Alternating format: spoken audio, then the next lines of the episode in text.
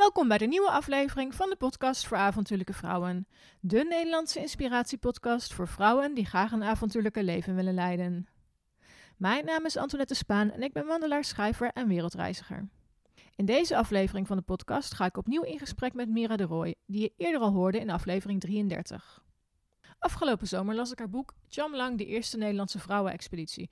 En ik was daar dermate van onder de indruk dat ik besloot Mira nogmaals voor de podcast te vragen. Deze keer hebben we het over de expeditie, die tot op heden nog steeds de enige vrouwelijke expeditie van Nederland is. In dit gesprek hebben we het onder meer over het opzetten van een avontuur, de onderlinge band en kracht van vrouwen en hoe het is om op de top van Chamlang te staan. Wil je de podcast ondersteunen en tegelijkertijd ook de eerste stappen naar een avontuurlijke leven zetten? Dit kan door mijn e-book in 10 stappen naar een avontuurlijke leven te kopen. In dit boek neem ik jou aan de hand van 10 verschillende stappen mee naar een avontuurlijke leven. De kosten van het boek zijn 10 euro, 1 euro voor elke stap.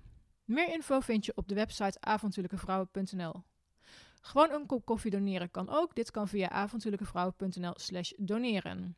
De inkomsten worden gebruikt om de, podcast, om de podcast in de lucht te houden. Ik wens je veel luisterplezier bij deze aflevering van de podcast voor avontuurlijke vrouwen.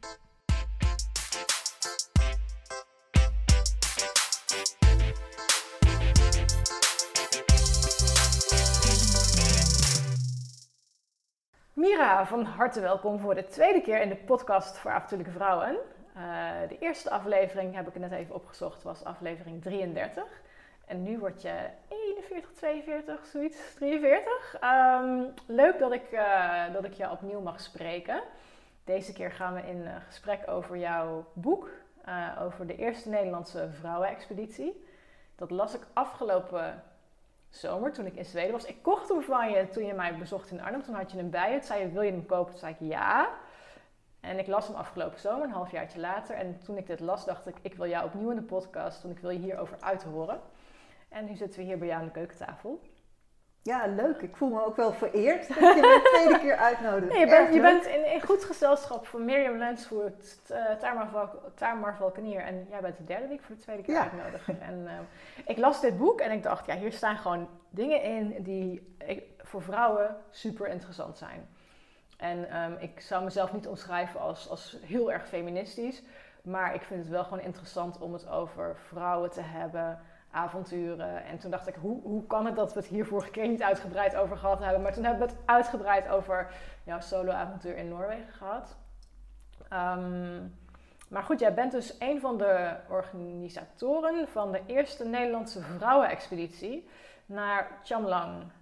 Ja. En um, ja, hoe, uh, mijn eerste vraag is eigenlijk, hoe ontstaat zo'n idee? Ja, nou, ik, ik, uh, ik hou van bergbeklimmen en ja, dan moet je natuurlijk, uh, uh, als je begint, uh, ook een basis hebben. Mijn ouders klommen, dus ik, het is weer paplepelwerk. En tijdens de studententijd ben ik eigenlijk pas echt met klimmen begonnen. Eerst weekendjes naar de Belgische klimrotsen en in Duitsland en daarna verder naar de Alpen. En uh, er wordt ook jaarlijks, um, is eigenlijk een bijeenkomst voor uh, vrouwelijke klimmers. En daar ben ik een keer met uh, mijn klimmaatjes, met een paar klimvriendinnen naartoe gegaan. En daar kregen we verhalen te horen van klimsters uit, ja, uit Engeland, uit de Alpen, uit Oost-Europa. En er bleek dat het eigenlijk heel gewoon was dat vrouwen op expeditie gingen met alleen maar vrouwen. En toen hadden wij zoiets, hé, hey, ja, dit is in Nederland nog nooit gebeurd. En um, ja, ik had gewoon ook met, met mannen geklommen. Dat is trouwens even leuk hoor. Dat, uh, het is niet zo dat, dat we alleen maar met vrouwen wilden klimmen. Maar we dachten, ja, dit is eigenlijk wel spannend. Dit is leuk. Laten we het ook proberen. En daar is een zaadje geplant. We waren in voormalig Joegoslavië, waar zo'n uh, klimbijeenkomst was. En eigenlijk, ja, het enthousiasme van die vrouwen heeft ons ook aangestoken. Ja, en dan, uh, um, dan heb je zoiets van, ja, dat, dat, dat, klinkt, dat klinkt, leuk of dat is iets wat we kunnen gaan onderzoeken. Als ik dan vooruit stap even, hoeveel tijd zit er dan tussen, um, tussen dat zaadje en het moment dat je dan boven op die berg staat ongeveer? Nou, daar zat wel, ik denk anderhalf jaar tussen. Het is een heel project waar je aan begint. En je Ja. moet ook een soort commitment uitspreken. Dat Ja, je niet ja. eh, aan iets begint en dan eh, eruit stapt. En zeker in die tijd, want het is een tijd geleden al. Het is 88. Ik ben een beetje echt een fossiel. Dat zei ik misschien al eerder ook tijdens, mijn, tijdens de vorige podcast. Maar we zijn de eerste, en sindsdien is er trouwens nog geen Nee, tweede vrouwenexpeditie geweest. Nee. Maar ja, je begint met, met lezen, want toen was er ook geen internet. En dat maakt echt wel uit, want eh, hoe kom je aan je informatie?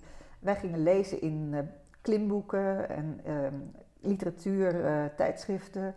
en, eh, vragen stellen aan andere klimmers. En ja, dan krijg je soms natuurlijk ook antwoorden dat het niks voor vrouwen is.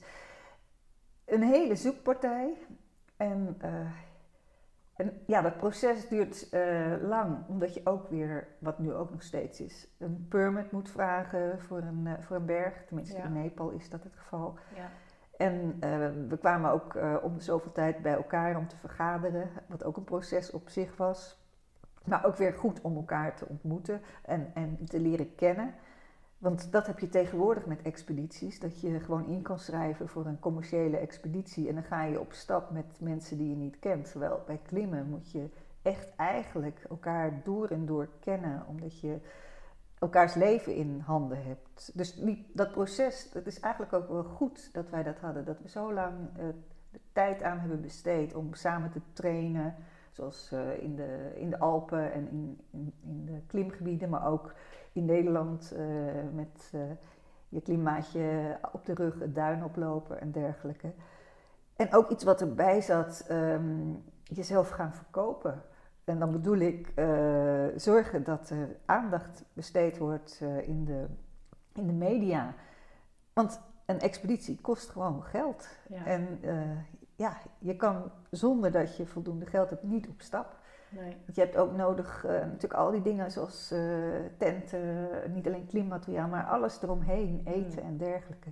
Dus ja, we zijn volgens mij wel anderhalf jaar zoet geweest om, eh, voordat we eindelijk op stap gingen en samen klimmen. Ja. En we waren ook niet meteen ehm, eh, een team, want we waren in Joegoslavië met een paar en toen zijn we er andere klimsters bij gaan zoeken. En tegenwoordig, als je kijkt naar het klimmen, dan eh, is het denk ik wel 50-50, mannen en vrouwen. Mhm. Maar in die tijd waren er vooral meer mannen die klommen en die dan ook graag vaak het voortouw namen en, eh, en automatisch haast eh, ja, een moeilijker stuk in de bergroute voor gingen klimmen. Ja. En dit was voor ons ook ja, een, een test, kunnen we het zelf?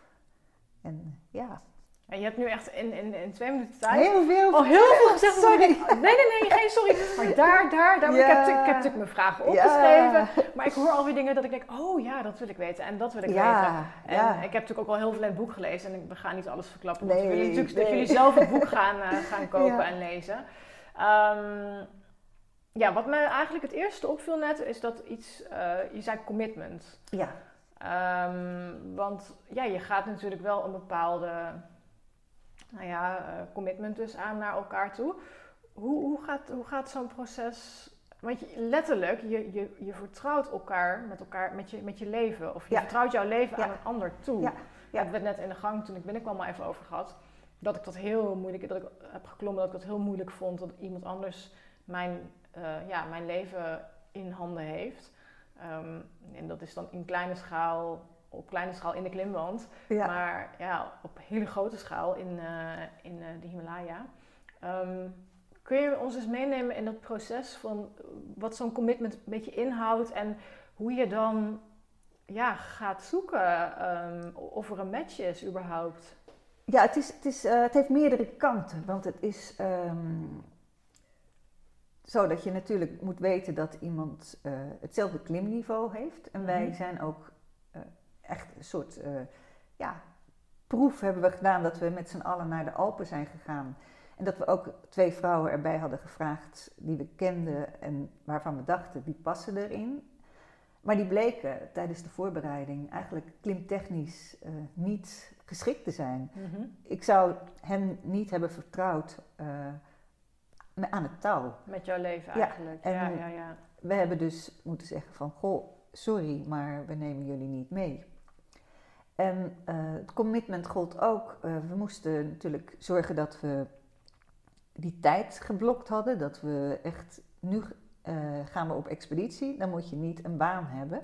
En op zich is één van de expeditieleden, de beoogde expeditieleden, is ook afgevallen omdat ze toch vlak voordat we weggingen een baan kon krijgen. En dat was juist mijn vaste klimmaatje waarmee ik jaren had geklommen. En dat deed me ergens ook al pijn. Van, goh, nu gaat zij niet mee. Want ik, wij vertrouwden elkaar volkomen. ik had in Peru met haar geklommen. Want zij was wel, zij ging ik kan me dat stukje uit het boek herinneren, maar het is al een half jaar geleden. Nee, dat is niet waar. Drie maanden. Oh, de vakantie lijkt alweer zo ja. ver. Dat is helemaal niet waar. Een half jaar.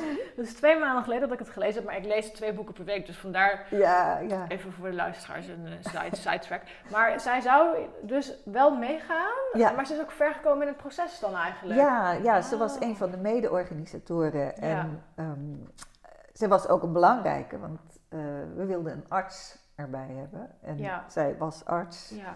En toen moesten we opeens op zoek naar een, uh, naar een andere arts. En, uh, dus op zich, uh, in dat geval klopt het plaatje van de commitment eigenlijk niet, omdat ze er toch uit is gestapt. Is gestapt maar ja. aan de andere kant, ik kan me haar keuze ook weer heel goed voorstellen. Het, het was, ja. haar, ja, het was belangrijk dat ze die baan heeft genomen. Ja, ja. En, maar aan de andere kant, de nieuwe arts die we gevonden hebben uiteindelijk, Annette Boom, die ja, die, die heeft haar baan opgezegd in het ziekenhuis om mee te kunnen met de expeditie. Ja, omdat ja. het ziekenhuis zei van goh, uh, dat het eigenlijk niet kon. Nee, dus, ja. En even praktisch, hoeveel. Um, jullie hebben allemaal je, je, baan dan opgezegd? Nee, nee, nee, nee. nee. Of, ik kreeg onbetaald, onbetaald verlof. verlof. Ja. Jullie waren met zes, hè? Of jullie, met z'n zes, ja. ja. En eigenlijk moet je ook bij zo'n expeditie wel een grote groepje hebben. Ja, het, sommige klimmers klimmen natuurlijk solo. Je hebt ook uh, kleine groepjes van twee. Maar wij dachten van, goh, als er iemand hoogteziek wordt, dan, uh, ja, dan zou een, een, hele expeditie in het water kunnen vallen als je maar een heel klein groepje hebt. Ja, ja, ja. Dus we hebben echt specifiek voor zes gekozen. En als je weer een te grote groep hebt, dan krijg je weer dat je ja, misschien meer discussie krijgt en meer wrijving. Sowieso, dat was ook iets wat uh, we van tevoren te horen kregen van met name uh, mannelijke klimmers. Van nou, alleen maar vrouwen, dat wordt knokken, dat wordt ruzie, dat wordt Catfight. roddel. Ja, ja. bitchfight noemen ze het zelfs, Bitchfight, geloof ik. Hè? Ja. Ja, ja, ja. Nou, en we hebben het zo goed gehad samen. We zijn nog steeds vriendinnen en, en doen dingen samen. Dus Ja. ja, Nou, de lol spat, spat er wel vanaf in Ja. het boek. Tenminste, ehm, wel echt dat ik denk, oh ja, jullie hebben ook echt wel dikke schrik gehad. we hebben heel veel plezier gehad. We hebben ook hele gevaarlijke dingen meegemaakt. En, Ja. eh, eh, ja, het was natuurlijk ook afzien. Eh, je kan geen berg beklimmen zonder afzien. Nee. Maar we hebben ook wel ja, het heel goed gehad. En je, je moet ook wel ehm, eigenlijk goed met elkaar opschieten, kunnen schieten, want Ja. je zit zo Ja. op elkaar. Ja, ja. Ik ga even bladeren naar een, paar, een eh, passage in het boek. Ik heb een aantal passages die ik interessant vond om het over te hebben. Want we hadden het net even over Annette. En daar had ik toevallig Ja. een, een stukje over eh, ehm, gehighlight. Ehm, Annette weet dat we in Nederland de beslissing al namen dat als de wand te moeilijk is, zij als klimmer met de minste ervaring niet mee naar de top kan. Ehm, ze is meegegaan als dokter en ondersteunend klimmer. Ehm, hoe maak je zo'n keuze? Of tenminste, ehm, eh, hoe moet ik dat zeggen?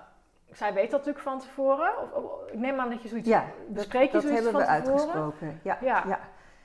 Ja. zij is ook meegeweest met eh, Bart Vos bijvoorbeeld, Mhm. eh, eh, expeditie. En daar was ook diezelfde ja, beslissing genomen dat zij als expeditiearts meeging en niet als klimmer. En wij hadden gemerkt tijdens onze proefklimtochten dat ze gewoon echt minder ervaring had. En Ja. op die hoogte is dat gevaarlijk. Want we hebben, ehm, ja, zo'n expeditie is een heel verhaal met tentenkampen, touwen, eh, soms vaste touwen aanleggen, zodat je niet telkens opnieuw het hoeft voor te klimmen. En eh, we hebben ook stukken geklommen zonder touw, waarvan ik weet als je hier valt, dan is het afgelopen.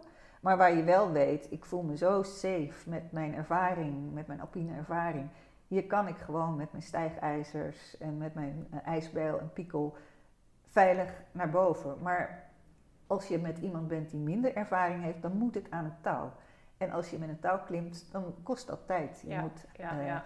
In een ijswand moet je ijsboren, ijshaken erin draaien. En eh, tijd is ook weer gevaarlijk. Als je ergens soms eh, te lang bent op een helling waar bijvoorbeeld steenslag of ijs naar beneden kan komen, dan, dan moet je snel zijn. Dus wij zeiden, dit kan niet ja, als het te moeilijk is. Ja. Dus we hebben er echt voor gekozen. En het is voor haar ook toch wel moeilijk geweest dat zij als enige niet op de top heeft gestaan. Want Ja. sowieso was het uniek dat vijf van de zes wel eh, daarboven Ja, is, dat, is dat uniek als je naar een. Ik heb geen idee Ja. van. Ik zit niet in de klimwereld. Ik vind het wel machtig interessant.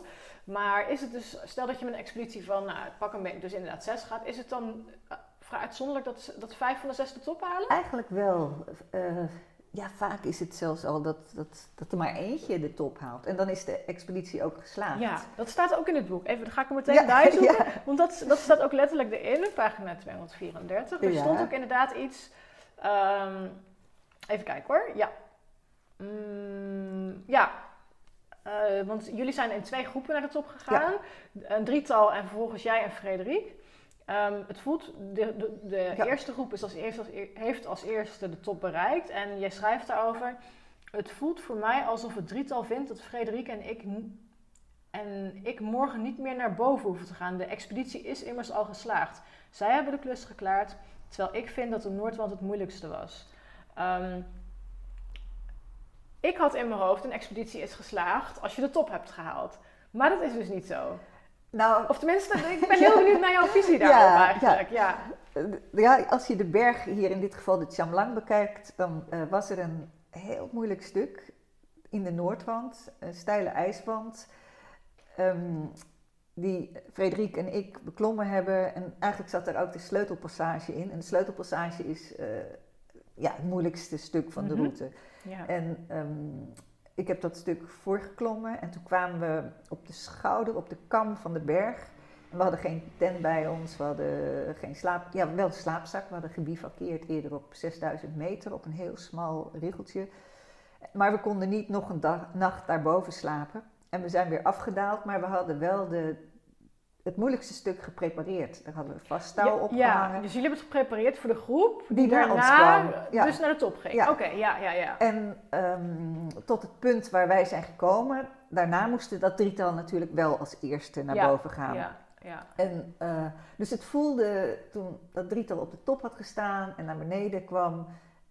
eh, wij, eh, wij kwamen, Frederik en ik zijn daarna weer teruggegaan en ook weer omhoog. En we kwamen bij elkaar nadat de drie op de top hebben gestaan. En wij waren door de Noordwand heen gekomen. En ja, wij zagen de top liggen en we hadden zoiets, ja, ja we willen ook. Tuurlijk. Ja, En- of ja, ik zeg, ik zeg tuurlijk, maar ik kan me dat wel voorstellen. Ja, want ja. jij, je gaat natuurlijk eh, met, iedereen gaat met het idee dat je op de top wil staan. Want ja, dat is natuurlijk toch ook je doel. Je, je, je gaat een berg beklimmen omdat je boven wil komen. Je gaat niet een berg beklimmen omdat je halverwege weer om wil draaien. Nee, En, nee. eh, ja, we hebben toen ook een nacht gehad eh, op het punt waar we dus met z'n vijven bij elkaar kwamen. Dat we een tweepersoons tentje daar hadden staan. En eh, nou, Frederik en ik mochten dan in het tentje. En een van de drie die boven was geweest, eh, die mocht tussen ons in. En de andere twee hebben buiten gebivakkeerd. Mm. Wat ook op zich een, prestatie is als je op ruim 6000 meter Ja, daar buiten ja. ligt. Maar ja, wij, Frederik en ik waren alle twee toch wel heel blij dat we, dat we wel door zijn gegaan. Ja. Ja. Ja, snap ik. Of tenminste, ik... Maar op zich, ja, de expeditie was al geslaagd. Ja, Ja. dus een expeditie is eigenlijk dus geslaagd als één iemand van de expeditie de top heeft gehaald. Als je het puur Ja, uitzoomt en kijkt vanuit het grote geheel, dan Precies, vanuit het grote geheel. Want op zich was onze expeditie ook geslaagd geweest als we de top niet hadden bereikt. En hij was geslaagd geweest als we veilig thuis waren gekomen. En hij was geslaagd omdat we, ja, omdat we dit proces samen hebben doorgemaakt. En Ja. Dus er zijn een heleboel punten die, die, die een succes waren. En het had heel goed gekund dat we niet boven waren gekomen. Want na afloop bleek ook in Kathmandu dat er erg veel expedities mislukt waren dat seizoen. Door het slechte weer, door allerlei omstandigheden. En dat had ons ook kunnen overkomen. Maar en dan was onze expeditie denk ik toch geslaagd geweest. Al, alleen al het feit dat we dit samen gepresteerd hadden. Ja, en, ja. eh, ja. Want je, je, je, je doet zoveel samen. Ons sociale leven eh, in dat jaar, zeker het jaar voordat we weggingen, was echt op een laag pitje. Omdat we helemaal voor, voor de expeditie gingen. We moesten trainen, we moesten Ja. sponsors vinden. We Ja. Soms gekke dingen doen voor sponsors. Ja. Eh, ik heb het in het boek gelezen. ja, zoals afzeilen van de dokter Ja, met een pak. Omo eh, Ja. in de hand. Ja, dames, ga dit boek lezen. Het is echt, ehm, het is echt op sommige punten bijna hilarisch. Dat je denkt, oh jeetje, en met je koffie en eh, nou ja, dat. Ja, maar ik ga niet alles verklappen. Ja. En dan kom je dus eigenlijk weer terug bij die commitment. Van ja, je, je doet dus eigenlijk wel een bepaalde vorm van commitment in de zin van... Je maakt gewoon, het is niet alleen de expeditie aan zich. Hoeveel weken waren jullie uiteindelijk weg? Twee maanden. Twee maanden, ja. Ja. Maar daarvoor dus ook Ja. Elke week, elke dag misschien zelfs wel ermee bezig. Want jullie hadden toen allemaal wel een baan in, die, in de Ja. voorbereidingsperiode. Alleen eh, Gerda die was student. Oh ja, ja. Ja. en die was student medicijnen en die had dus eigenlijk ook als arts mee kunnen gaan, maar zij voelde zich nog niet safe genoeg. Oké, eh, ja, ja. Dus daarom zei ze, ze moet, er moet een echte expeditiearts bij. Ja, ja, ja. Ja, en dan heb je dus echt de commitment inderdaad van, goh, de, ehm, jullie hadden de taken verdeeld, als ik me niet Ja, ver- klopt. vergis. Ja. Ehm, want het is dus, ja, ik vind het lastig voorstellen. Ik was acht jaar oud in eh, 1988 ja. en toen was er geen internet, geen mobiele telefoons, alles ging via de post. Ja.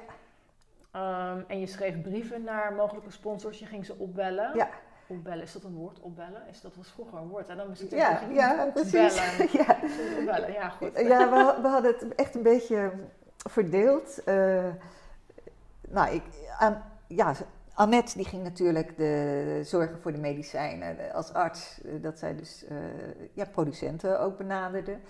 Ehm, en dan hadden we het koppel die de, echt het voor het geld ging. En dat waren Janka en Gerda. En dat was ook een klimkoppel in de Alpen. Ja. Waarbij Gerda een stoere ijsklimmer is en eh, Janka meer een elegante rotsklimmer. Maar dat, ja, zij, en, en Janka was ook danseres geweest en eh, eh, trainer, coach.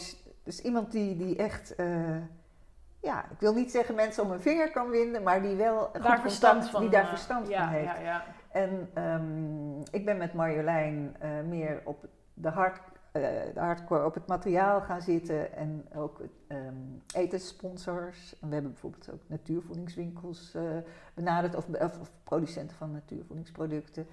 En eh, ik weet zelfs nog, oh, we kregen toen voor de voorbereiding kregen we een heleboel flessen brooddrank. Ik weet niet of je die, Ja, dat kent. ja. Heel zuur. ja. En eh, de rest van de expeditiegenoten, die hadden zoiets van...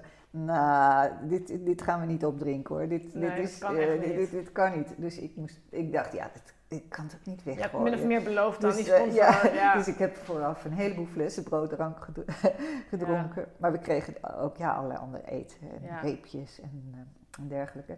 Maar we hadden dus inderdaad verdeeld. En zo hadden we ook ehm, een expeditieleidster gekozen. En daarvoor hebben we gekozen van, goh, we nemen Frederik. Ze is de oudste. En ze was al op expeditie geweest. Mag ik je even onderbreken, want je zit met het snoertje te spelen. Van, En dat hoor je. nou, dan weet ik niet of je dat hoort, maar, Maar, ja, niet aan, ik weet ja. niet wat hij doet. Want we Ik hebben, weet het ook niet. nee, we hebben daspeldmicrofoons en ik dacht, Ja, ik ga ja. het even onderbreken, want voor een- hetzelfde geld stel ik de hele opname. Dit is een hele goeie, want dan moet ik gelijk denken hoe we walkie-talkies hadden te leen gekregen van het Rode Kruis. En Oh, die ja. werkte niet aan de achterkant, of nauwelijks ach- de Oh. achterkant van de berg. Dus Ja. ik hou mijn handen nu. Vorige, keer, vorige keer was ik te enthousiast en Gooi toen die gooide ik thee een, glas thee over in mijn enthousiasme. Ik hou nu mijn handen onder de... Nee, maakt niet uit. Dus, eh, maar ik denk, ik ga het wel zeggen voor Ja. de zekerheid. eh, want Ja. op een expeditie moet je ook alles kunnen zeggen. Eh, precies. Ehm, maar precies. goed, jullie hadden een, Bij een Frederik hadden we, ja, want we dachten ook, als we met zes zijn en er is een belangrijke beslissing te nemen, Ja, ja, ja. ja. dan kan het wel dat het drie tegen drie is. Dus we hadden gezegd, dan mag zij twee stemmen hebben. Is nooit nodig geweest. Nee. Maar Maar jij zei, dat, jullie zeiden tegen haar, jij wordt dat? Of heeft zij zelf gezegd, ik wil dat? nee, nee, dat is wel in overleg gedaan. Ja, En je moet ook eigenlijk wel een expeditieleidster hebben. En mijn man een expeditieleider. Er is iemand die het gezicht moet zijn naar buiten toe. ja, ja, ja. ja. En eh, dus het is ook misschien wel professioneler als je een expeditieleider hebt. En eh, ja, dat was zij en uh, daar waren we dus allemaal mee eens, omdat ze al op expeditie was geweest en de meeste ervaring had. Ja. En ja, haar stemrecht, wat ik al zei, heeft ze dus niet hoeven te gebruiken. Nee, want als ik het goed lees, hebben jullie heel weinig oneenigheid gehad. Of tenminste, nou, er zijn wat dingetjes Er zijn wat, wat fricties geweest. Wat volgens mij niet gek is als je met zes vrouwen zo close op elkaar ja, precies. leeft. Ja, ehm, want je zit echt op elkaar. We gingen trouwens niet met z'n zessen tegelijk telkens de berg op. Je gaat in kleine groepjes. Ja, en het is een soort um, yo-yo-beweging. Je kan niet meteen een berg op, want dan krijg je acuut hoogteziekte. En zeker bij een 7000er. Ja. En, uh, dus je moet acclimatiseren en uh, kampen aanleggen. Dus uh, ja, de eerste keer dat je naar boven gaat, dan is het voorklimmen, dan, dan is alles nieuw. Hoewel we de tweede beklimmers van de berg waren. Hij was één keer eerder door een gerenommeerde klimmer, Doug Scott, beklommen. En de andere expeditie die er was geweest was mislukt. Van Engelsen. Of nee, van Amerikanen. En de Engelse expeditie was gelukt. Maar uh, ja, je gaat dus in, in tweetallen of drietallen omhoog. En uh, je slaapt op elkaar in zo'n tentje. Ja, je doet alles samen. Ja. Zelfs als het, ja, als het stormt, dan kan je de tent niet uit. En dan, dan, dan moet je um, op een plasfles plassen. Ja, en, ja. En dat was ook wel grappig. We zijn ook op televisie geweest vooraf bij, um, uh, hoe heet ze nou, Goedele, Goedele Lieve. Of Lieve Goedele. Goedele, Goedele Liekens.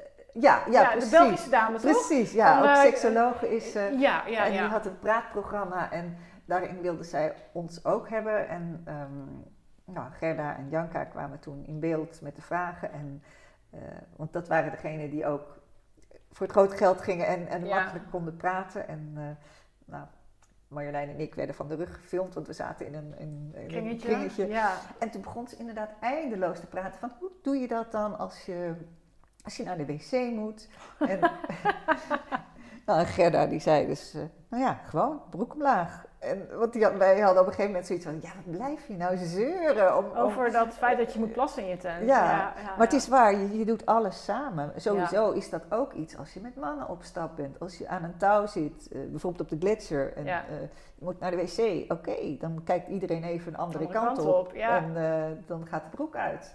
Ja, ja. Maar het is natuurlijk ook, je zit zo dicht op elkaar. En zeker, zeker als er... ehm, als het slecht weer is, eh, het kan zijn dat je vastzit uh, en dat je dus in je tent zit en er niet uit kan.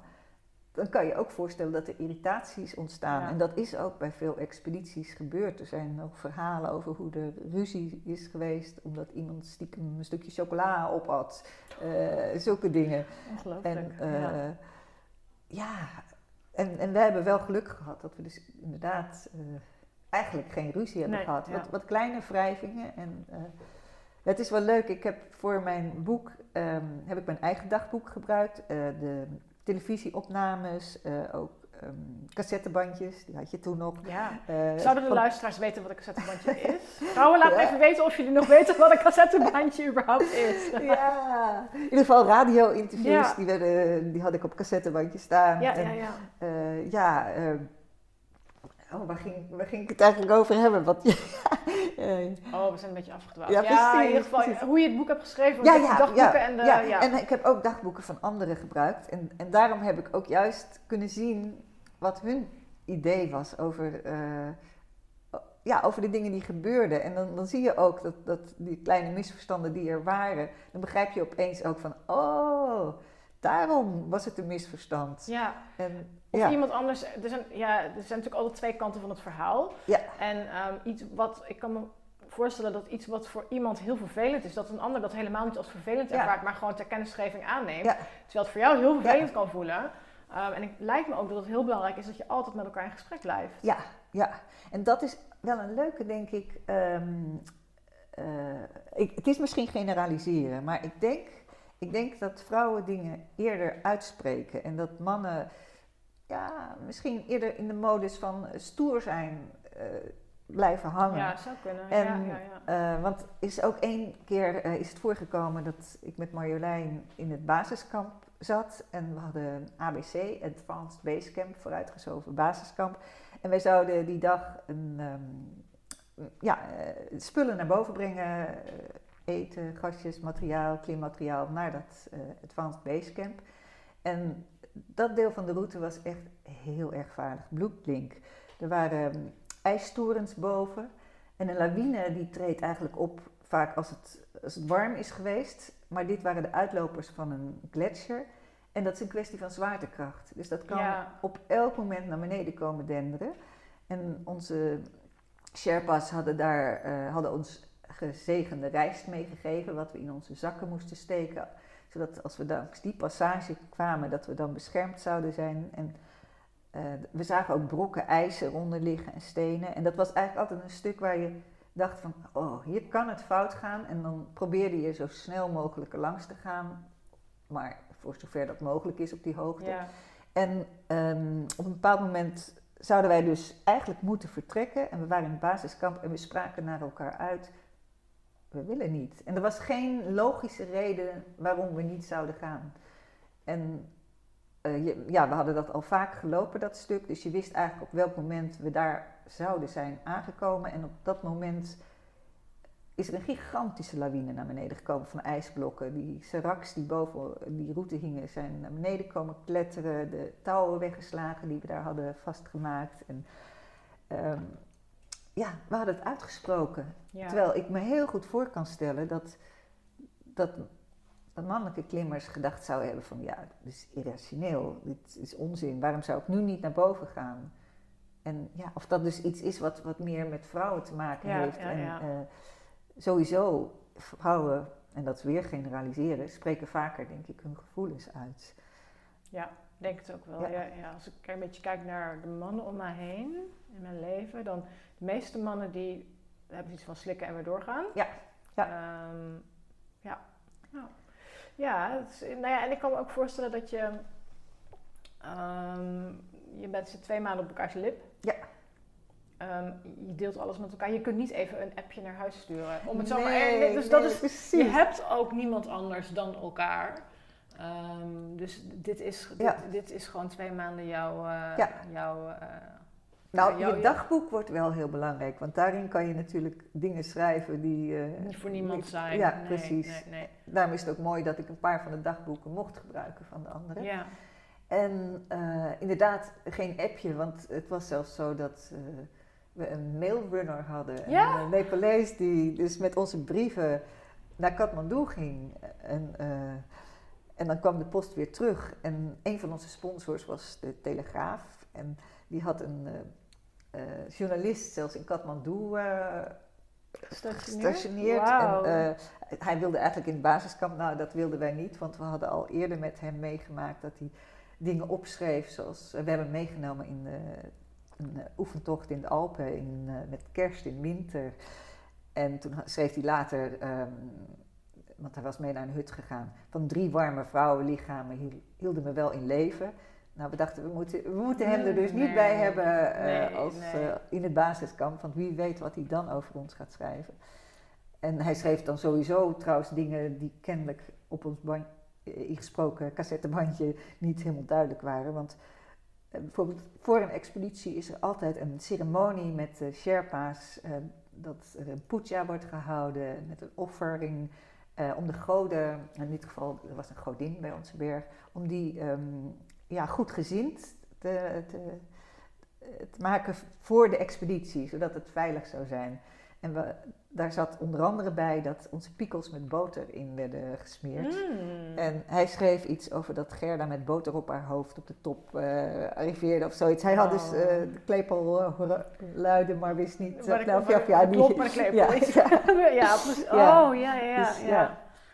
Ja, sowieso. het nieuws dus dat we de top waren, dat kwam pas later aan in Kathmandu. En hij ja. zorgde dan weer dat het in de krant kwam. En Verspreid bij de, werd. Ja, ja, ja. Ja, mooi. Ja, sowieso. Um, we praten over 1988, ja. dat is bijna 30, 30 jaar. Ja. Hoe ver zitten we nu? Nee, dat is uh, 32 jaar geleden. Denk je dat er, want jij zei net van, het, naar jouw weten is er geen Nederlandse nee. vrouwenexpeditie meer geweest. Waarom is dat, denk je? Ja, dat is een goede vraag. Uh, want, in, want, in, het buitenland is het nog steeds ja, wel ja, gebruikelijk, ja, toch? Ja, ja. en... Uh, nou, ik heb een nichtje wat heel goed eh, klimt en nu trouwens vooral eh, een uh, trailrunner is met 60 kilometer in de Alpen, Oh. hardrennen en noem maar op. En ik heb het haar wel eens gevraagd en zij zei, ach ja, waarom, waarom moet het een vrouwenexpeditie zijn? Want met mannen klimmen is net zo leuk en Ja, eh, je hoeft ja. niks te bewijzen. En eh, Ja. dat is ook wel zo, want eh, ja, Denk je dat je dat met onderscheiding te maken heeft? Ik zit even snel te denken, ik heb een clubje bloggers, de outdoor bloggers. Wij noemen onszelf zelf de leukste outdoor vrouwen van Nederland. en we hebben wel eens over, we zijn vijf jaar geleden, vijf jaar geleden ongeveer denk ik begonnen. Ehm, en toen wa- was het toevallig alleen maar vrouwen. Nou is Ja. bloggen sowieso echt wel een typisch, nou niet typisch vrouwenberoep, maar er zitten veel vrouwen in. Dus het, het werd zo gevormd. En toen dachten we ineens van ja, het is eigenlijk wel leuk zo met vrouwen. ja, Want je, je straalt wel wat uit en je bent onderscheidend. Kan Ja. het daar iets mee te maken hebben? Ja, ik denk het wel. Want ehm, nou, zeker ook in die tijd eh, waren er heel weinig vrouwen die klommen. En Ja. ja, Ja. ja het is ook zo dat, dat echt, eh, er waren klimmers die, die hadden zoiets, ja, dat, dat kunnen ze helemaal niet. Nee. En, eh, Ik ga een passage bij zoeken. Je weet, je, weet, al wel. Die heb ik niet mijn boekje staan. Ik denk dat je weet welke het gaat worden. Ehm, nou ja, het gaat over. ehm, eh, even kijken hoor. Dat, dat er meerdere klimmers zijn. Onder andere Ronald Naar. Dat is wel zo'n beetje, denk ik, Nederlands bekendste klimmer. Ja, en Milke van Rooij natuurlijk. ja, maar dat is dan weer een, een generatie daarna. Later, ja, Ja, ja, ja. Dat hij eigenlijk zich best wel, nou, om het zo even bruut te zeggen, lullig heeft uitgesproken over jullie expeditie. Ehm, al, toen ik dit las, ik, ik las dit en ik dacht, gadverdamme. Ja, Wat walgelijk. Ja, ik, ik kan daar heel slecht tegen. Ehm, maar tegenwoordig, kan, ik kan het nu in een podcast, kan ik dat zeggen. Ja. En als ik me nu ergens aan stoor, dan kan Ja. ik een statement maken als ik dat wil op internet of door een podcast of door een video op te nemen. Dat kon toen niet echt. En dan, dan lees je dus zoiets. Hoe ga je nou met dit soort lullige opmerkingen om? Ja, laat je het, durf je het te laten binnenkomen of heb je... Hoe, ja, hoe, hoe, hoe doe je zoiets? Want ik vind dat best wel knap. Ik vind het nogal... Ja, ik ga het niet voorlezen, maar het is... nou, ik Ja. zeg het, zeg Maar het hier, toch maar. Vrou- Vrouwen in klim... Dit is eh, Gerard van Sprang. Vrouwen in klimexpedities als lokmiddel voor sponsors. Nou ja, we- dat Ja. hebben we wel zo gebruikt, Ja, overigens. ja. Ja, want we hebben, eh, we hadden zelfs eh, dat we ehm, een fabrikant van tampons hebben benaderd. Ja, heerlijk toch? en we hadden al een, een, ehm, een, een slogan, niet alleen ons leven hangt aan een touwtje.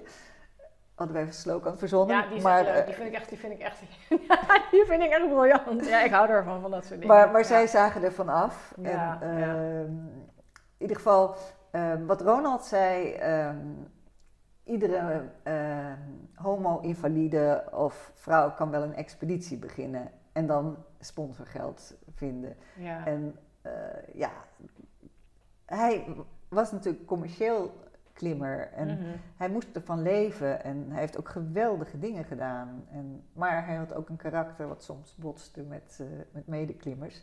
En deze opmerking, ja, daar waren wij niet blij mee. Nee, Dat klopt. Nee, nee. Dat klopt.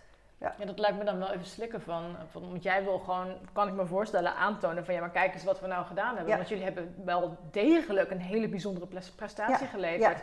En ik denk vooral in eh, de jaren tachtig, want als ik, ik, Nogmaals, ik ben geen klimmer, maar ik lees er wel eens een boek over. Eh, ik heb nou ja, de bekende eh, verhalen van Everest en zo heb ik allemaal gelezen.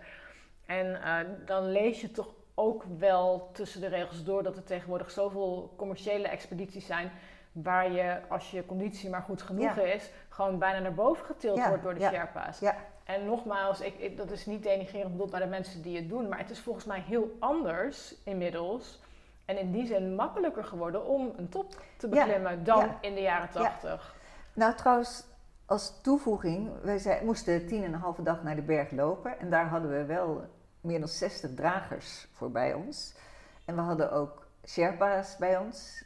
En eh, twee klim-Sherpa's. De hoofd-Sherpa die eigenlijk het he- geheel leidde. Maar die zijn niet op de berg zelf geweest. Nee, nee. Daar hadden we ook geen dragers. Want we wilden het echt zelf, Zelf doen, doen. een vrouwenexpeditie. Dus op de berg zelf hebben we alle kampen en alles, eh, alles zelf ingericht. Ja, Ja, maar ja, ja, andere tijden, inderdaad, commerciële expedities. Ik zou nooit met een commerciële expeditie mee willen. We hadden het er in het begin al even over. eh, ja, je hebt elkaars leven in handen. En dat weet je absoluut een- niet nee, als er nee, nee. zomaar een wild vreemde meeklimt. En bij die expedities is het ook zo dat Sherpa's heel veel risico's lopen. Zeker op de, de Mount Everest. En er zijn ook foto's van hoe er files staan. En Oh, dat is ja, ach, ja, dat ach. is naar. Ja. dat is echt naar. En ook daar heb je dan een ijsval ehm, waar de route geprepareerd moet Oh, is dat worden. de Kumbu-ijsval? Ja, Ja, precies. ja, en ja. Met, met ladders en met touwen. En ja, daar lopen de Sherpa's gevaar. En die komen er ook, die gaan er heel vaak doorheen omdat ze bagage naar boven moeten sjouwen. En ja, het is, het is anders dan vroeger. Maar aan de andere kant, er zijn ook heel veel kleinere expedities dat wel klimmers het zelf doen. En ook soms expedities waar je niks van hoort. En sowieso, ehm, je doet het voor jezelf. En wij hebben sponsors gezocht, omdat we het anders niet konden betalen. En we inderdaad, we hebben dat uitgebuit. Dat we de eerste vrouwen waren die het deden. En eh, ja, daarom hebben we ook sponsors kunnen vinden. En, eh, onze hoofdsponsor was koffieproducent. En, eh, Ik, ik denk niet dat het, dat het negatief is. Dat je, nee, dat je nee, iets, nee. iets in jouw voordeel gebruikt om geld los te peuteren voor iets wat je normaal gesproken niet kan Ja, betalen. ja. Ehm, Ja. Klopt, ben ik het ook mee eens. Ja. Ja. En ik denk, Ja. ik denk sowieso dat, dat discussies over geld vaker gevoerd mogen worden en dat je ergens vooruit mag komen Ja. van goh, ik krijg ervoor betaald. Ehm, ik werd laatst benaderd door iemand die eh, wilde een gesponsorde podcast. En toen zei ik van, nou ja, dat kan. Want ja, ja ik moet ook gewoon mijn geld verdienen. En eh, heel veel dingen moeten maar gratis beschikbaar zijn. En ja, er staan duizend artikelen op mijn site die zijn gratis beschikbaar. En dat er dan af en toe een advertentie tussendoor komt. Ja, dat, dat moet je dan maar voor, voor, voor lief nemen. En ik denk dat daar gewoon ook open over gesproken mag worden. Dat zo'n expeditie dus ontzettend veel geld kost. En dat het gewoon normaal is om daar eh, een wederdienst voor te leveren. Dus eh, promotie in de vorm van een kop koffie of een pak omo. Of, Ja. of- nou ja. Ja, we hadden ook een opgevouwen pak Omo bij ons om eh fake wasjes te doen onderweg tijdens de Ja, trek ja, ja. naartoe. En in het Ja. basiskamp dat we daar deden alsof we aan het... ja, we moesten foto's maken, want we hadden nog geen digitale foto's. Nee, dus, nee, nee, nee. ja, foto's dat we reepje zus en reepje zo Ja, aten. ja, ja. ja. Ja, ik herken ze. Dat is nu nog steeds zo. Als ik Ja. gevraagd word om een bepaalde eh, item te promoten, ja, Ja. dan zeg ik wel eens tegen mijn vriend op als we op vakantie van kun je even voor mij een foto maken dat dit of dat logo goed in beeld is. En Precies. eh, ja, daar word ik, daar word ik betaald. Daar leef ik zelfs van. Ehm, even daarop inhaken. Heb jij ooit eh geambieerd nadat je terugkwam uit van Chamlang om, om zoiets professioneel te gaan doen? Als, was er toen die mogelijkheid Eigenlijk om... was die mogelijkheid er nog niet. Je hebt Nee. tegenwoordig klimmers, klimsters, eh, vrouwen die, eh, die het echt kunnen om ervan te leven. Ja. Die een kledingmerk merk promoten, die klimmateriaal promoten. En ja, de internet is natuurlijk zo'n krachtig Ja. commerciewapen eigenlijk. Ja, je kan zo'n groot bereik hebben. Ja, dat in die tijd, denk dat er nog niet veel waren die dat konden. Die, er, nou, die ervan konden leven. Nou ja, Ronald Naar noemden we al, die, die, die kon er Ja. wel van leven. Maar het was een hele kleine selecte groep en zeker de, de klimsters. En ik heb er dus helemaal niet, niet over gedacht. Ik, ik werkte op dat moment eh, als geoloog bij de TU Delft met mijnbouwkunde. En geen van ons heeft er eigenlijk aan gedacht Nee. om er commercieel iets mee te doen. Nee, nee. Nee. Ik maak, even, ik maak even een sprongetje, want we, we gaan ook nog even naar jou. Nee, wacht even. Ik zit even te denken, we moeten het in de juiste volgorde doen. Want hebben we het al gehad over of je de top gehaald hebt? Volgens mij hebben we het er niet... Eh, we even- Ja, ja. Volgens mij hebben we het even over Ik gehad. heb, ja, dat Frederik en ik dat graag ja, wilden. klopt. En Ja, inderdaad, dat, je, dat jullie de top gehaald we hebben. hebben de top gehaald. En dat is ook wel raar, want je bent ja, ruim een jaar bezig met voorbereiding. En eh, die expeditie zelf is twee maanden en je staat maar heel kort daarboven. Maar het is, eh, het is een hele bijzondere ervaring. We stonden niet te juichen, we hebben elkaar wel omhelst. En Ja. eh, je kijkt rond en, en de meeste bergen zijn lager. Natuurlijk, Mount Everest, dat blijft een reus. En de Makalu was de dichtstbijzijnde reus naast ons. En die zien er nog steeds machtig uit, want die zijn een kilometer hoger. Maar verder is het een zee van bergen om je heen en eh, kijk je de diepte in. Maar in je achterhoofd weet je, de meeste ongelukken gebeuren tijdens de afdaling. En ja, dat hou je dus echt wel in je achterhoofd. Van ik moet ook weer veilig beneden Ja, komen. ja, ja, En het was op dat moment, eh, in die periode, dat een belachelijk aantal, dat eh, gem- gemiddeld 1 op de 13 tijdens een expeditie om het leven kwam in de Himalaya. En dan heb ik het niet alleen over de klimmers, maar ook de Sherpa's, Ja. de dragers. En Ja. ja, ja dat is de, eigenlijk Russisch roulette. Ik weet niet wat het op dit moment is. Eh, maar Ja. ja, ook nu komen er nog steeds klimmers om. Ik heb wel eens gehoord over de K2 en correct- K2 is luisteraars, correct me if I'm wrong, maar dat op K2 één van de vier het niet haalt. En toen dacht ik wel, hoe ga je je partner vertellen dat je de K2 op gaat? Gaan we het zo nog Ja, over, even ja, over hebben, ja. over partners. Maar toen dacht ik, oh, één op de... het is eigenlijk belachelijk, ja. ja, als je erover nadenkt, denk je van, dan zit je met een groepje van vier aan tafel en één van ons komt statistisch gezien niet terug. Ja. Dat is heel... eh, Daar hebben we ook afspraken over gemaakt. Eh, vooraf, die hebben we echt op papier gezet. Oh ja? eh, wat, ehm, wat moet er gebeuren met, met mijn lichaam als ik om het leven zou ja, komen? ja. En eh, ik zei van, ja, eh, ik wil niet dat er anderen gevaar lopen door, eh, als ze mij moeten redden. Dus laat mij maar achter in een, in een gletsjerspleet. Oeh. Ja, nee, En- ja, ja, ja. oh, dat, is, Ja. dat is mijn initiële reactie, maar mijn tweede reactie is wauw, prachtig. Ja, Of, nou ja, Ja, ja, ja. ja. Ja, hoewel dat ook af- afval is eigenlijk. Hè? Ik Ja. bedoel, ja, er liggen heel veel lijken, lichamen liggen er in de Himalaya, op de. Everest ook. Dat schijn je als je klimt inderdaad langs eh, omgekomen klimmers te Ja. komen. ja. Maar eh, ja, het, het, is, het is gevaarlijk. En onze berg bleek ook veel gevaarlijker dan we hadden gedacht. Ja? En met name bijvoorbeeld die, die passage eh, dat, waar die lawine langs is gekomen, maar ook een van de kampen, Corner Camp. Daar is op het moment dat we er niet waren een enorme steen door de tent gekomen. Oh ja, ja. En, eh, als we daar hadden gelegen, ja, dan, dan had ik daar nu, niet hier gezeten. En we hebben meer momenten gehad dat eh, ik ben eh, op de gletsjer, we moesten ook een groot, groot stuk over de Barum Gletsjer lopen. Dus vooruitgeschoven basiskamp en eh, een volgend kamp. En toen ben ik ehm, in een ijsmeertje, wat je helemaal niet kon zien, gezakt. en ik ben meteen achterover op de wel stevig terrein heb ik me laten vallen. Maar ik kon er niet uitkrabbelen, want ik had een hele zware rugzak. En, eh, en ik voelde geen grond onder mijn voeten. Oh. En toen heeft Gerda me eruit gerukt, Ja. eh, getrokken en, en ja, snel sokken uit en eh, daarna tenen bewegen om bevriezingen te voorkomen. Maar ja, en Gerda en ik zijn een keer in uitlopers van een, een kleine lawine terechtgekomen. Dat het stuifsneeuw met een enorme kracht over ons heen eh, blies. Dus ja, het, is, het is eigenlijk een hele rare sport, maar ook weer een hele mooie. En het heeft ook wel wat om, om, om het allemaal zelf te doen en daar in de natuur te zijn. En je voelt je ook klein, klein. Want Ja, de bergen zijn ja. gewoon sowieso altijd eh, sterker dan je zelf bent. En nu is nog steeds mijn, mijn habitat, de plek waar ik het liefste ben. Dat zijn de bergen. Maar ik realiseer me juist door daar vaak naartoe te gaan. Want ik kom nog ja, heel regelmatig in de bergen. eh, dat wij zo, zo klein zijn. Ja, dat, wij, eh, we stellen niks voor. We zijn zo precies, nietig. En precies. Ja. Moeder, moeder natuur die bepaalt toch wel Gelukkig. of jij eh, Gelukkig, het ja. of niet uiteindelijk. ja. Ehm, heb je op, op deze expeditie voor je gevoel echt oog in oog met de dood gestaan? Ehm, nou, we zijn eh, op een bepaalde manier aan de dood ontsnapt. Maar ik heb eh, met die lawine dat we daar niet hadden moeten zijn op dat moment, met die steen. Maar ehm, niet dat het eh,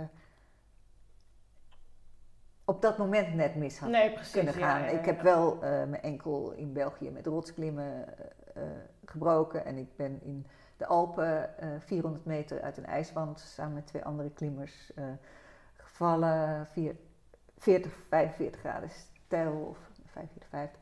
En we hebben heel veel geluk gehad. Ik denk dat ik toen misschien eerder nog eh, de, de dood in ogen heb gekeken dan op de expeditie. dan op de expeditie. Ja. Eh, want het is niet zo dat, dat er iets fout is gegaan. Nou ja, dat ijsmeertje, daar, Ja. ja, ja, als Gerda daar niet was geweest, maar je was er niet alleen daar. Nee, dus, nee. Dan eh, is ook meteen de afspraak waarom je niet alleen was, is ja, dan ook meteen duidelijk. Ja, ja, ja. ja.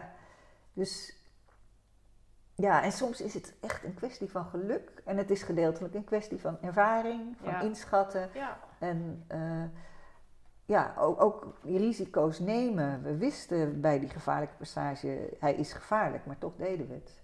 Ja.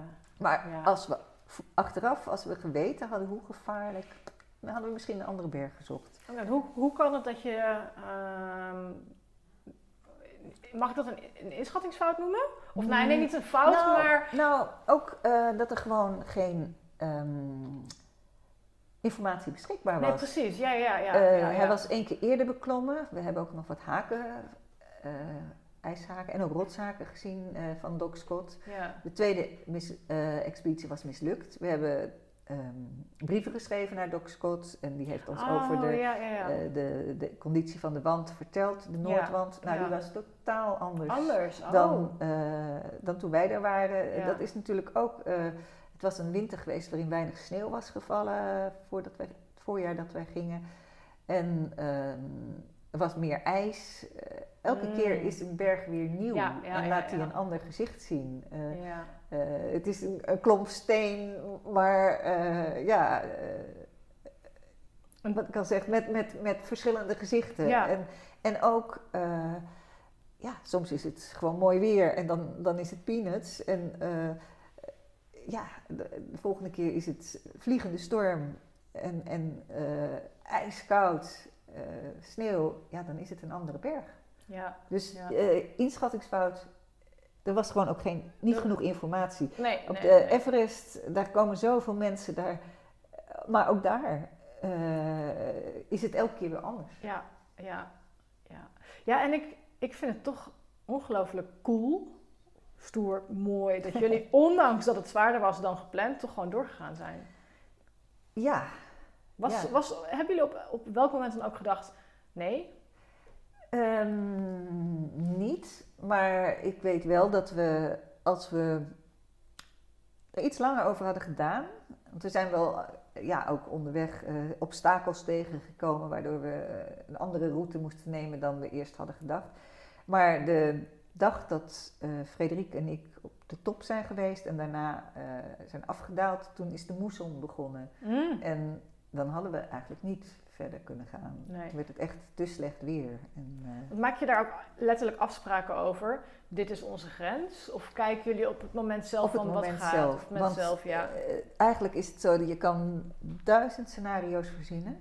En de werkelijkheid is duizend Ja, ja, ja, ja, ja, ja, ja, dat is helemaal waar. Ja, Ja. En dat is ook met het gewone leven. Ik bedoel, Tuurlijk, dat is ja, altijd. ja, ja, absoluut, Ja. absoluut. Ja, ben ik helemaal met je eens. Dat, eh, Maar aan de andere kant is het wel goed om je vooraf eh, al in te denken wat er kan gebeuren. Het feit dat je over bepaalde dingen hebt nagedacht, zorgt eigenlijk dat je.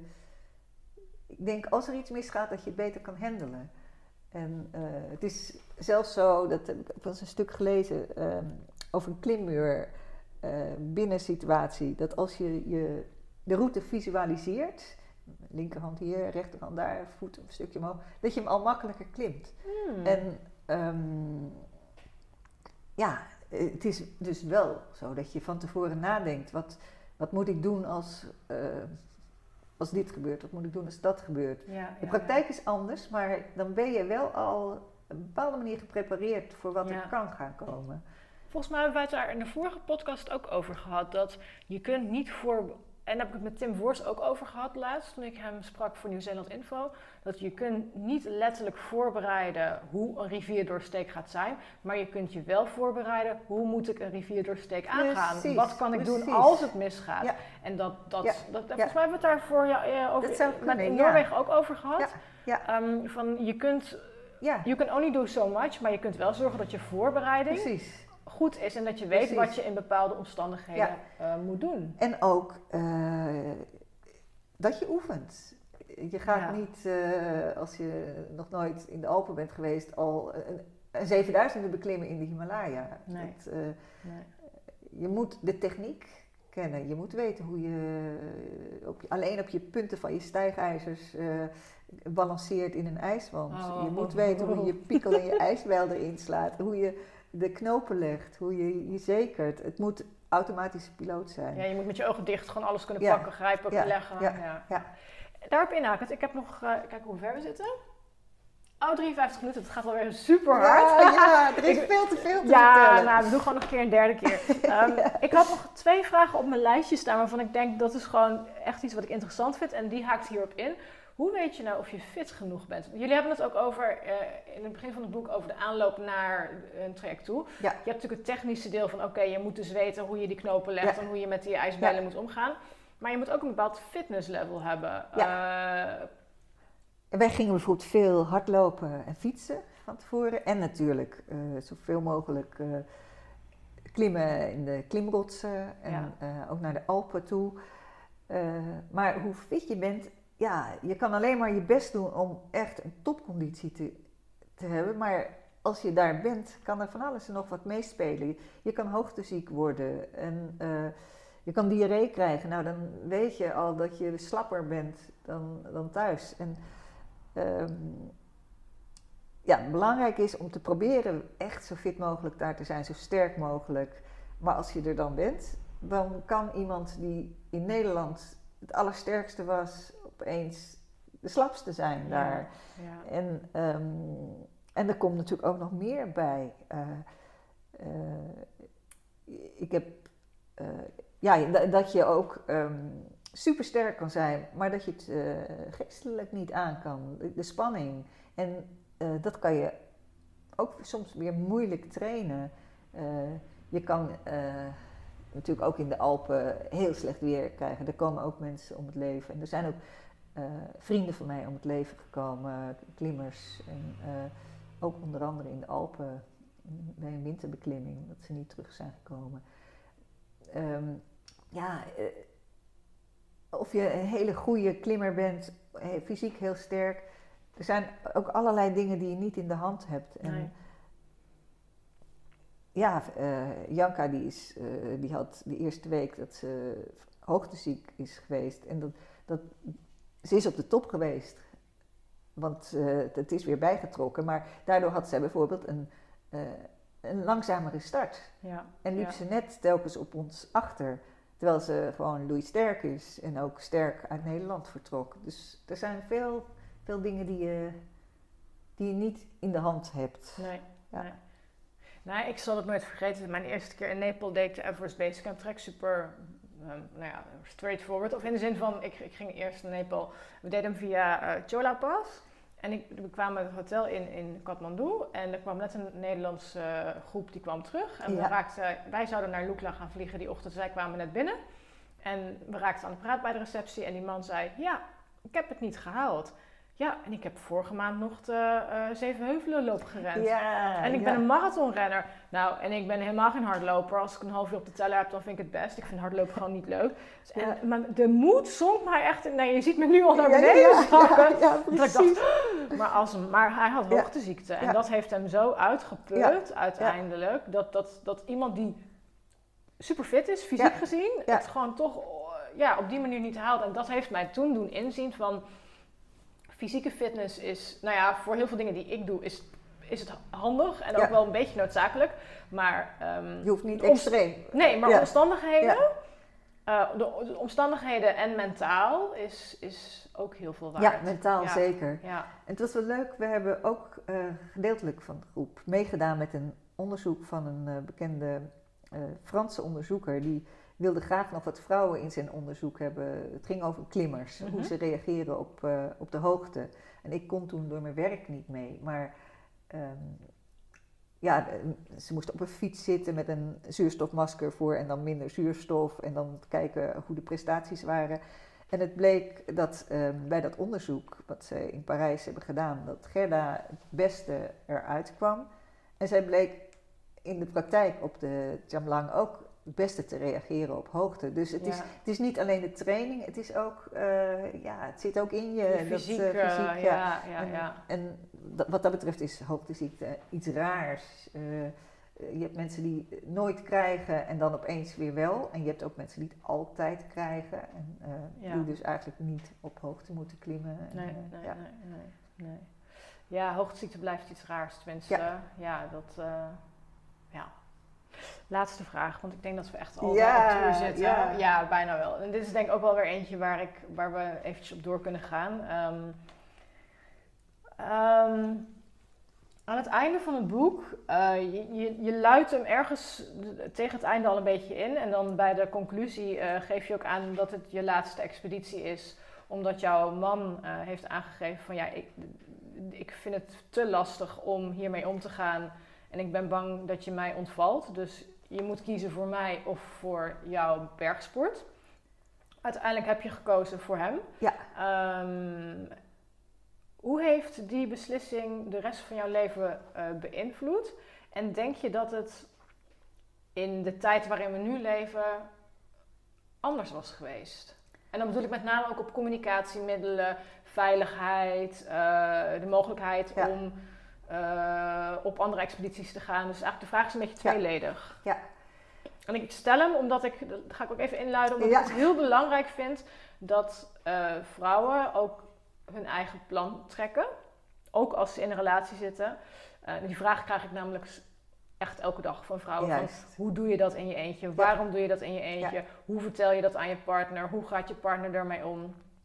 Ehm, dus eigenlijk wil ik, ja, ik ben gewoon benieuwd naar jou, jouw verhaal. En ja, dat. Ja. Nou, hij wist dat er veel vrienden van mij om het leven zijn gekomen in de bergen en Ja. expedities, maar ook in de Alpen. En dat was ook, ja, als je een bepaald niveau klimt, dan, dan doen je vrienden dat ook. Dus je kent meer mensen die deze rare sport deden Ja. dan. ja. En ehm, dus heeft me echt, ja, wat dat betreft een beetje voor het blok gesteld. Kiezen voor mij of eh, voor, eh, ja, voor de expedities. Maar ik had wel het geluk dat hij van bergwandelen hield. Ja, ja, ja. En hij vond ook dat eh, klimmen in de, de, de, de klimtuinen en dat klimmen in de Alpen, eh, dat dat eh, niet gevaarlijk was. Wat natuurlijk ook niet waar is, want ook in de Alpen nee. komen de mensen Klopt, ja, ja, ja, ja. maar hij zat wel een beetje met die 1 op de 13, eh dat Russisch roulette waar ik het over had. En eh, ja, het was een hele moeilijke keus. Maar ik heb dus wel ervoor gekozen niet meer op expeditie, expeditie te gaan. Maar we gingen wel samen trektochten maken in Zuid-Amerika, in Ladakh, in Nepal, eh, noem maar op. En eh, als hij niet van de bergen had gehouden, dan was het denk ik Ja, een ander ja. verhaal geweest. Ja, En ehm, ik ben, hij is overleden in 2000 ehm, door ziekte. En toen ben ik wel weer meer gaan klimmen. En eh, ik ben ook heel veel solo-tochten gaan maken in, in Tibet, in eh, Nepal. eh, en ook natuurlijk bijvoorbeeld mijn laatste tocht door Noorwegen. Daar zaten ook wel gevaarlijke situaties in. Bij min 34 kamperen, ook storm. Dus ehm, ik ben wel rare dingen, zal ik maar zeggen, blijven doen. ja. Maar ik, ik, ik ben eh, achteraf gewoon heel blij dat ik voor hem heb gekozen. En we hebben ja, wat dat betreft gewoon een hele goede tijd samen gehad. En ehm expeditie klimmen, ja, dat vergt heel veel. Maar eh, een lage berg beklimmen kan net zo mooi zijn als een expeditie. En ik ben blij dat ik die keuze heb gemaakt. En ja, eh, voor mij was er geen mogelijkheid meer als ik ja, na zijn overlijden ja, zat ik niet meer in die klimwereld. Dus zou, zou het ook niet om op expeditie te gaan. Ja, dat was gewoon geen, Nee, geen, nee. geen plan. Maar het is natuurlijk, vrouwen sowieso, ehm, daar wordt anders naar gekeken dan naar mannen. En eh, zeker, eh, ik, denk, ik denk zelfs nu ook nog wel, als mannen op expeditie gaan terwijl ze kinderen hebben, dan wordt daar, is dat eigenlijk, nou ja, gewoon is misschien ook geen goed woord, maar als vrouwelijke, vrouwen klimmen eh, op expeditie en ze hebben kinderen, dan wordt dat raar gevonden. Ja. Van, goh, je laat je kind alleen. En, ja, dan vindt men daar wat ja, van. en ja. Alison Hargrave, echt een hele, hele goede klimster, die... eh, Ja, dat, eh, ja, ja, dat verhaal heb ik laatst in een de ander boek K2 gelezen. is op het leven gekomen terwijl ze kleine kinderen had. Ja. En, daar werd echt over gesproken, ook door mensen van hoe kan zij dit gedaan hebben? Waar- hoe kan je kinderen eh, niet aandoen dat je, eh, dat je moeder dus overlijdt in de bergen? En Ja. feitelijk is dat natuurlijk voor mannen hetzelfde. Ja. Ja, helemaal Ja. mee eens. Ik ben opgevoed door mijn vader vanaf mijn veertiende. Mhm. En ehm, die heeft het perfect gedaan, prima gedaan. Ehm, en ehm, ja, het, eh, het, het verbaast mij dat er inderdaad vaak naar vrouwen wordt gewezen van ja, maar je kinderen. Ja. Tim Vos zei het ook laatst weer van ja, ik heb met mijn vrouw de afspraak dat ik een half jaar wegga en dan een jaar of anderhalf jaar er niet ben. Maar ik regel wel alles voor haar, Ja. dus dat zij niet Ja. extra belast Ja. wordt. Eh, maar zijn vrouw gaat, als ik het goed heb begrepen, ook regelmatig gewoon weg. Ja. En ehm, eh, ik vind het heel mooi dat er de ontwikkeling is dat daar ook steeds meer Ja. ruimte voor Ja. komt. Maar inderdaad, het- ja, je hebt samen, volgens mij maak je samen de keuze om een gezin te hebben. Ja, ja. En want we zijn inmiddels ook wel afgestapt van de traditionele rolverdeling. Waar mannen eh, voor het geld zorgen en de vrouwen eh, voor het huishouden. ja. Dus ja, vrouwen, ik zou zeggen, als je de behoefte voelt Ja. om te gaan. Ja, ergens, eh, ik heb natuurlijk geen kinderen, dus ik kan, het, kan daar ook niet echt over meepraten. Maar toch denk ik ergens ook van, ja, eh, als je kinderen op de wereld zet, dan heb je ook wel een soort verantwoordelijkheid. Ja, en, maar als eh, man even goed als vrouw, als man net zo ja. goed als, als, ja, als vrouw. ja, ja, ja. en ik denk dat als je, ik, ik heb ook geen kinderen, maar ik denk wel als je inderdaad, als je het besluit neemt van ik neem kinderen, of ik niet neem Ja, ja, precies. Je snapt wel waar ik naartoe wil. Ja. Ik, ik ga proberen om Ja. kinderen te krijgen. Ja. Dan, ehm, vind- ja, dan, dan ja, moet, ik dat, moet dat goed uitleggen zonder ook maar iemand voor het hoofd te Ja, stoten. Precies. het is zo'n gevoelige kwestie. Ja, ja. Uh, maar ik hoop dat ik niemand beledig hiermee. Maar dan denk, dan denk ik wel dat je bepaalde dingen echt in twijfel moet trekken Ja. of dat verantwoord is. Ehm, ja, dat zal ieder maar, dat, maar, dat, ja, maar, ja, maar dat geldt voor mannen en voor vrouwen. ja. Aan de andere kant, kijk maar naar Michael Schumacher, die Formule 1-coureur, die eh, jarenlang over het circuit gescheurd, eh, ges- ja, gescheurd heeft Ja. en dat allemaal goed is gegaan. En dan, dan, dan, dan krijgt hij zo'n enorm ski-ongeluk. Dat je denkt, ja dat, verwacht, dat, ja, dat verwacht je natuurlijk ook niet van tevoren. Dus uiteindelijk kan het natuurlijk altijd. Precies. Ehm, Het- maar die 1 op de 13 is. is Ja, is ja, en het leven een, eh, is natuurlijk onvoorspelbaar. Want ja. toen ik die, die, die val maakte uit die ijswand in de Alpen, toen lag ik in het ziekenhuis. Naast, ik heb het volgens mij verteld in, tijdens de vorige podcast. Toen lag ik in het ziekenhuis die, naast iemand die op de stoep was gestruikeld. Dus, Ja, eh, Zo zie je maar. Ja. Ik kan namelijk als ik naar het station loop ook gewoon onder de tram lopen. Dat is volgens mij altijd de vraag die volgens mij bij... Oh, bij wie komt hij ook weer langs? Thijs Lindhout? Nee, Ru Ruud Wild die heeft een eh, 30 minuten rouwpodcast. mm. Volgens mij vraagt hij het aan al zijn gasten van... Als jij nu in- naar huis loopt en je komt onder tramlijn 2... ehm, wat ben je dan highlight het nieuws of zo? Dan moet ik ook wel over nadenken. Wel eens van, goh, ja, dat kan ook inderdaad maar gebeuren. Dus het, eh, ja. Ehm, wat zou jij, de laatste vraag. Nee, ja, ja. daarna ga ik nog vragen waar, dus één laatste vraag. ja. Eh, wat zou je de vrouwen die nu luisteren nog willen meegeven? Van vrouw tot vrouw. Ja, ja. Nou, dat je, voor, dat je alles kan. Als je maar kleine stapjes maakt om te, om, om te beginnen. Maar dat je dus absoluut niet moet weerhouden van dingen waarvan eh, gezegd wordt dat het iets is wat iets voor mannen is. En, eh, dus gewoon doen, gewoon doen. En, eh, ja, en genieten van alles wat je doet. Ervoor Ja, gaan ja, en, ja, en daarvan voor, ja, van genieten. En volgens mij ook van het proces. Dat, Nou, dat, dat precies, lees ik uit jouw boek. Ja, Ja. Dat, dat, daar, dat heb ik inderdaad ervaren bij mijn laatste reis in Noorwegen, maar helemaal, helemaal ook ehm, eigenlijk in, tijdens de Chamlang-expeditie ook. Het gaat niet om ehm, de top, het gaat om de weg er naartoe. En dat is, is een hele belangrijke. En dat zou ik dus inderdaad wel iedereen mee willen geven. Het, eh, dat, is een hele belangrijke. Van geniet van waar je mee bezig bent. En ook als iets ogenschijnlijk mislukt, dan dat het geen mislukking is. Want je neemt ervaringen mee. En eh, ja, Het levert je volgens mij altijd het levert op. je altijd Ja. wat op. Ja. Ja. Ja. Nou, je hebt inmiddels, eh, even kijken, hoeveel boeken heb je geschreven? Vijf. Vijf boeken. En- Is er een nieuw boek in de maak? Nou, ik, ik heb er alweer een raar plannetje. Ik wil als corona het toelaat volgend jaar in de Himalaya fietsen naar Ladakh. Wat een beetje mijn tweede thuis is in de Indiase Himalaya. En daar wil ik een eh, boek met name over de nomaden daar schrijven. Want dat, daar speelt heel veel. De klimaatverandering, de grensconflicten met, eh, met Tibet, de Chinezen daar. Ehm, eh, het is een verdwijnend beroep, want... eh, jongeren die, die zitten op kostschool en die zijn maar een week thuis. eh, en dan leer je niet eh, hoe je met eh, kuddes de bergen intrekt. Dus ik wil graag eigenlijk een boek daarover maken. En daar zit Ja. dan die fietstocht ook in. Ja. Eh, ja, plannen genoeg. Ja, het houdt nooit op, hè? Het hadden, we- hadden we het net al Ja. voor, in het voorgesprek even over dat het eigenlijk als je een reiziger bent nooit ophoudt. Dat het de kunst is om te genieten van wat je al gedaan hebt. En niet Ja. veel te kijken naar wat, wat er allemaal nog kan. Precies, want Ehm. het is ook soms alleen maar mooi om te dromen. En als het niet uitkomt, is dat ook goed. Maar het is wel belangrijk om te blijven dromen. Ja, en ja, ja, en om nieuwsgierig te blijven. En om eh, ja, plannen te maken. En, eh, Ja, want thuis Klopt. op de bank blijven zitten, dan, eh dan gebeurt word je niet blij van. Nee, nee. Nou, ehm, laatste vraag. Als vrouwen meer over jou willen weten of lezen, Ja. waar wil je ze dan naartoe sturen?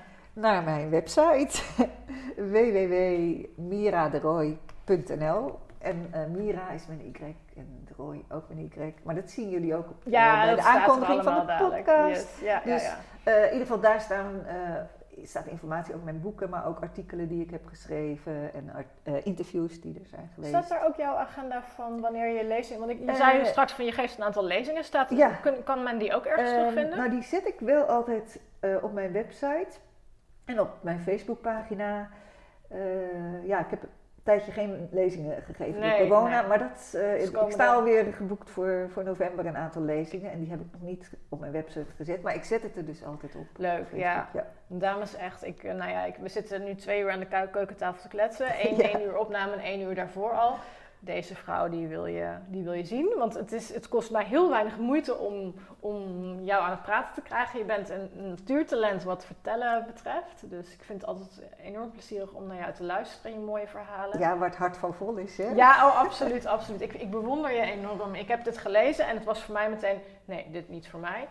Ehm, dus, maar het is, je hebt het mooi omschreven op een vrouwelijke, eh, af en toe met een rauw randje, maar wel op een vrouwelijke manier. Veel expeditieverhalen zijn inderdaad eh, heel erg prestatiegericht. En jij hebt ook het vrouwelijke naar boven gebracht, de vrouwelijke kant van, eh, van het klimmen. Ja, want meestal zijn klimboeken verhalen over eh, naar de top. Ja, En dat ja. is het. En hier Ja. zit ook hoe het na de top is gegaan, hoe onze levens daarna zijn gegaan. En, en inderdaad ook heb ik geprobeerd een beetje een inkijk in de mens zelf. Ja, ja, dat vond ik heel erg leuk, want ja, een, een technisch verhaal is, is interessant, maar dit spreekt voor mij, sprak dit eh, enorm. Ja, en zo goed dat ik je gewoon nog een keer in de podcast Ja, wilde. leuk, leuk. Dus dankjewel voor je tijd. En ehm, nou, ik zou zeggen, ga dit boek lezen, want ehm, het is echt eh, hartverwarmend om te zien hoe mooi het is als je met vrouwen onderling zo'n toffe, bewonderenswaardige prestatie kunt neerzetten.